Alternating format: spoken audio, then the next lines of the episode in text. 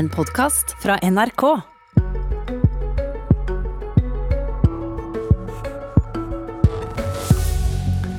Den nye kunnskapsministeren gir unntak fra fraværsreglene, og skroter i tillegg Solberg-regjeringa sin plan om fritt skolevalg i hele landet.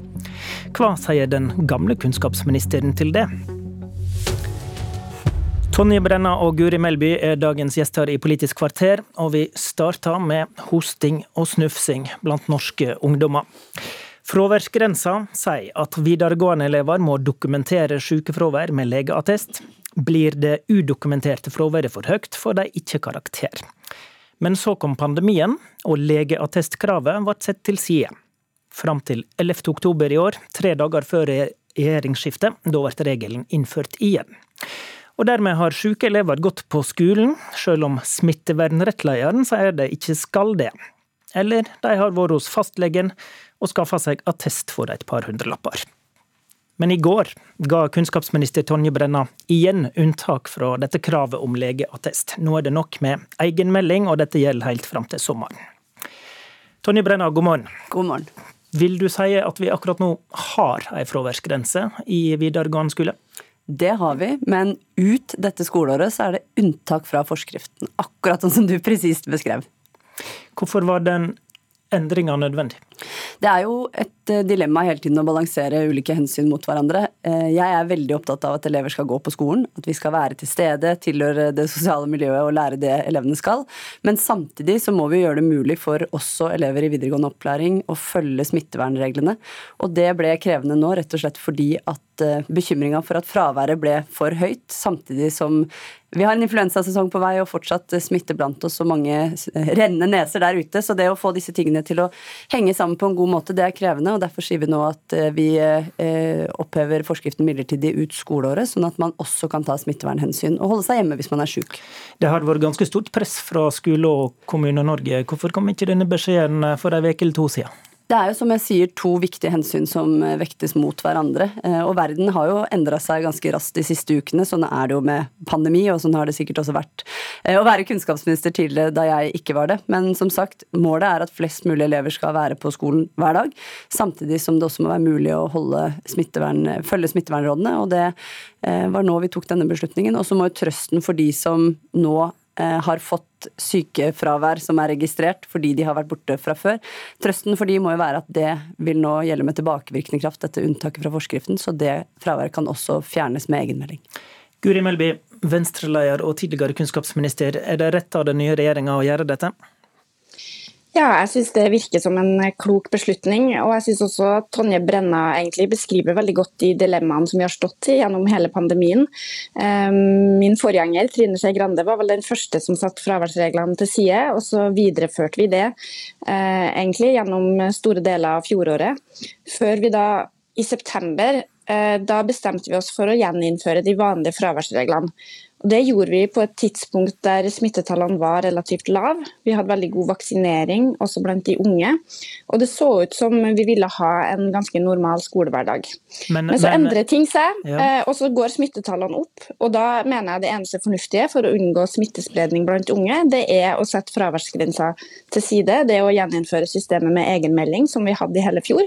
Så jeg syns det her virker som en klok beslutning. Men Brenna, du har sagt reglene om, eh, om fraværsgrensa ble innført igjen for tidlig av førre regjering. Hva var problemet med det Melby gjorde 11.10? Jeg tror i lys av dagens situasjon vi kan si at det kanskje var litt eh, raskt. Og så er jeg egentlig mer opptatt av hvordan vi skal løse dette her og nå fremover. Og da tror jeg at det var riktig av oss å si at Eh, unntaket også får tilbakevirkende kraft, sånn at den som nå har fått fravær i løpet av den perioden vi legger bak oss, eh, også kan få det eh, fjerna fra vitnemålet hvis det er pga. sykdom. Og igjen, målet er at flest mulig skal gå på skolen hver eneste dag, men samtidig at vi sørger for å ikke ha spredning av smitte i videregående. og da, da er det disse to hensynene som hele tiden må vektes mot hverandre. Melby, hvorfor i all verden ga du denne gjeninnføringa i velkomstpresang til Brenna tre dager før du gikk av? Nå bestemte vi det tre uker før det igjen, da, så det var jo midten av september, at vi tok den beslutninga. Samtidig som vi også oppheva de fleste smitteverntiltak i skolene. Og vi gjorde det fordi nettopp sånn som Tonje Brenna sier, vi ønsker at flest mulig elever skal komme på skolen, og vi ønsker at vanlig regelverk skal gjelde, både for oppmøte, men også for opplæring og undervisning. Så det var jo bakgrunnen for det. Men gjennom hele pandemien så har vi jo tatt beslutninger basert på det vi vet her og nå, uten at vi vet at den situasjonen er sånn. Uh, et annet eksempel på det var jo i vinter, uh, da vi skulle ta beslutning om gjennomføring av eksamen til våren.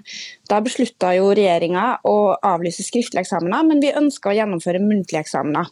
Men da vi kom til april-mai og vi fikk veldig høye smittetall, så så vi at det var ikke mulig.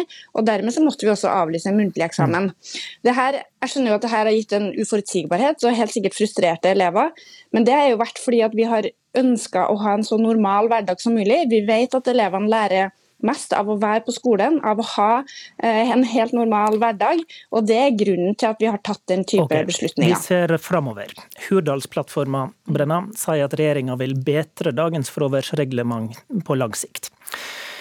Eh, sier dette, dette, unntaket du kommer med nå, der en kan levere egenmelding hvis en er over 18, eller eh, melding fra foreldre hvis en er under, eh, er det, sier dette noe om hva du ønsker på lang sikt? Den beslutninga vi tok eh, i går om å oppheve forskriften midlertidig, sier bare noe om dagens situasjon. Men jeg mener allikevel at eh, influensasesong er noe som kommer hver eh, vinter, f.eks. Og det at vi ser at vi har regler for skolen som gir et eh, økt press i fastlegetjenesten, som er en tjeneste vi er helt avhengig av alle sammen, og som allerede er under press, det er noe vi må ta med oss. For det er jo ikke en fornuftig måte å eh, løse dette på, at det blir mer byråkrati og mer vanskelig for elevene, og et uforholdsmessig stort press på mm. helsetjenesten med friske elever da, som egentlig ber om attester, så det må vi jo ha med oss når vi skal lage nye regler. Når du i praksis har satt denne regelen til side til, til sommeren, eh, betyr det at du skal vente så lenge med å komme med en ny langsiktig regel, eller skal du komme med et nytt langsiktig regelverk i den perioden? Altså, Ideelt sett så klarer vi å ha nye fraværsregler på plass fra høsten av, og så er det mange store prosesser som pågår nå eh, på skolefeltet, f.eks. Eh, arbeid med ny opplæringslov og andre ting, som gjør at jeg er ikke helt sikker på at vi får det til, men det aller beste er selvfølgelig at vi når vi går tilbake eh, når vi, når vi ikke lenger har et unntak fra denne regelen, at vi har de permanente Eh, reglene klare, sånn at vi slipper å ha skifter som okay. dette hele tiden. Jeg er opptatt av at vi skal så, så, ha ro rundt fraværsreglene. Så du håper at nytt, nytt, permanent regelverk er på plass i vår? Jeg skal gjøre det jeg kan. Ikke, ikke vår, det er jo i så fall da fra høsten, fordi unntak Ja, ja, men eh, det vil være klart ja. da.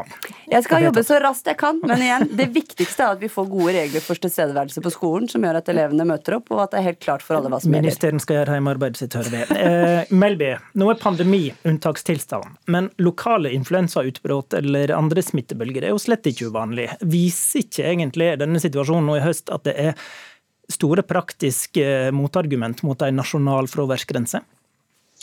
Jo, det gjør egentlig det. Eh, nå hører jeg at Tonje Brenna har vært statsråd lenge nok til å ta litt forbehold på hvor raskt man skal greie å jobbe. Det er bra.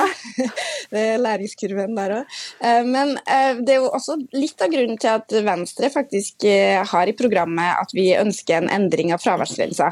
Det er klart, altså det er ingen tvil om at for en del elever så har fraværsgrensa hatt positive effekter. Den har ført til økt oppmøte og dermed også økt gjennomføring. Men vi ser jo at den har uheldige sider. Den kan i noen tilfeller bli veldig rigid.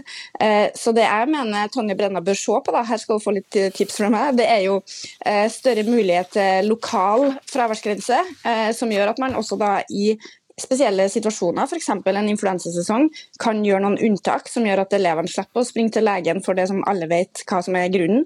Eller at man kan innføre et større grad av skjønn da, enten til skolens ledelse eller til den enkelte lærer. Eh, jeg mener jo også at De erfaringene vi har fra eh, koronapandemien med digital undervisning, gjør at en del elever som da har sykdomstegn, men som likevel kan jobbe hjemmefra, kan slippe å få fravær for det, f.eks. Så, så jeg mener dagens eh, nasjonale fraværsgrense er for rigid, den er litt for stiv. Den gir for lite fleksibilitet, både for å ta hensyn til pandemi, eh, influensa, men også elever som har spesielle behov, elever som av ulike årsaker ikke kommer seg på skolen, og som vi trenger å legge bedre til rette for. Nå spørs det om Erna Solberg og Jan Tore Sanner vrir seg i kjøkkenstolen framfor radioapparatet. Vi skifter tema. Det skulle bli slik at det skulle bli fritt skolevalg i hele landet, planla Solberg-regjeringa, altså at karakterene styrer hvem som får plass på ulike videregående skoler. Dette skulle gjelde fra neste år, men nå er den planen offisielt lagt i skuffa av de regjeringer, Tonje Brenna. Hvorfor det? Jeg mener jo vi må stille oss to grunnleggende spørsmål når vi fatter utdanningspolitiske beslutninger. Det ene og viktigste er bidrar denne avgjørelsen til at flere kan lykkes i norsk skole? Det andre spørsmålet er har vi et problem, og i så fall er dette løsningen? Og på begge disse to spørsmålene er eh, den ordninga, eller dette pålegget egentlig, om at man skal ha karakterbasert inntak i hele landet, er svaret nei. Dette bidrar ikke til at flere kan lykkes, fordi konkurranse i seg sjøl ikke eh, er et eh, nyttig bidrag til det. Tvert imot så er vår bekymring at flere vil måtte reise lenger. Og det andre er at er dette svaret på det som er utfordringa i norsk skole? Jeg tror heller ikke svaret på det er ja. Så derfor så mener vi at dette er en ordning som egentlig er ideologisk betinga fra den avtroppende regjeringa regjeringa et ønske om å presse dette på fylkene. Vi mener fylkene, som er tettere på både skolene, elevene, arbeidsliv og næringsliv, bedre kan avgjøre dette sjøl, og ønsker at de skal få lov til det. Melby, hva er din reaksjon på at de setter til side denne planen du hadde utarbeida om en slik eh, karakterordning i hele landet?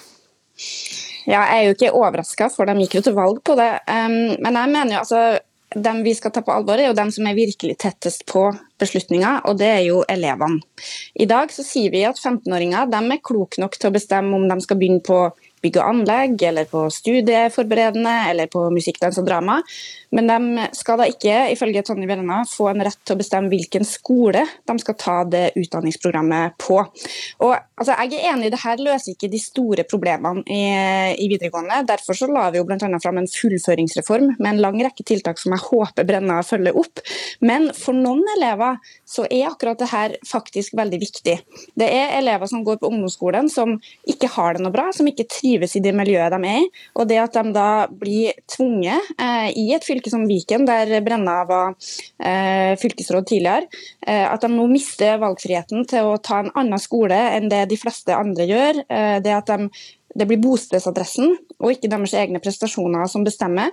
Det, for noen elever så er det eh, oppleves det veldig urettferdig, og det blir veldig feil. Eh, mange mister motivasjonen av det. Okay. Og så tror jeg ingen av oss, ingen av oss La Brenna få svare på det. Jeg følte nesten at det var litt sånn tilbake til fortiden-debatt her, fordi dette har jo Melby og jeg diskutert en rekke ganger. Og nå høres det ut som at ved å si at fylkene skal få bestemme dette selv, så har jeg bestemt hvordan fylkene skal organisere dette. Det er jo hele poenget. Det skal ikke jeg bestemme. Så det er ikke sånn at ved å si at det ikke er pålegg om rent karakterbasert konkurranseinntak til videregående, så er det nærskole nærskoleprinsipp som må gjelde for alle. Sånn er det ikke. Dette men, men, men du argumenterer jo men, mot karakterbaserte ordninger. Hvorfor ja, skal du leve greit med at fylka innfører det nei, likevel? Men for i Viken, da, som er eksempelet som Melby trekker fram, så kan alle elever søke på absolutt alle skoler i Viken, men det er Jo, jo, men de får jo i praksis den som er nærmest.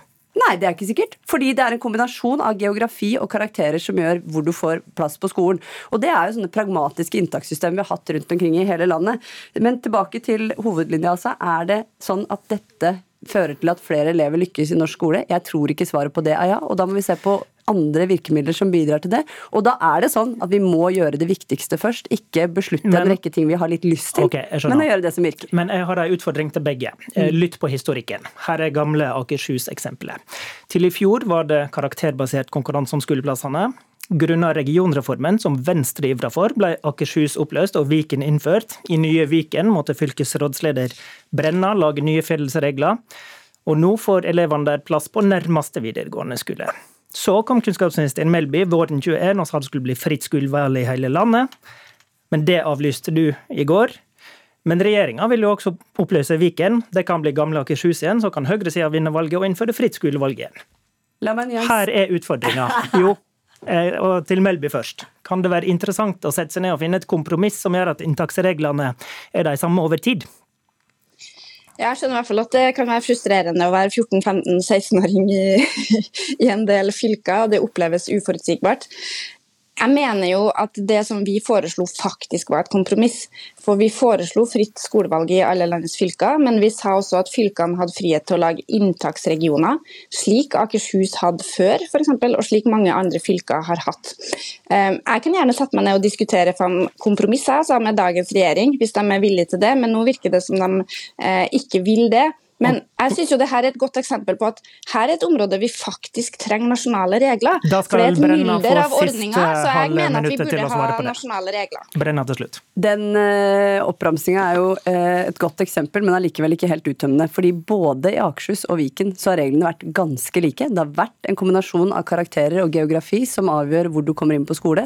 Det er bra. Skole og næringsliv skal være tett kobla på hverandre. Elevene skal ha frihet til å velge, og derfor sier vi at fylkene får avgjøre det sjøl. Takk til begge to. Programleder i dag var Håvard Grønli.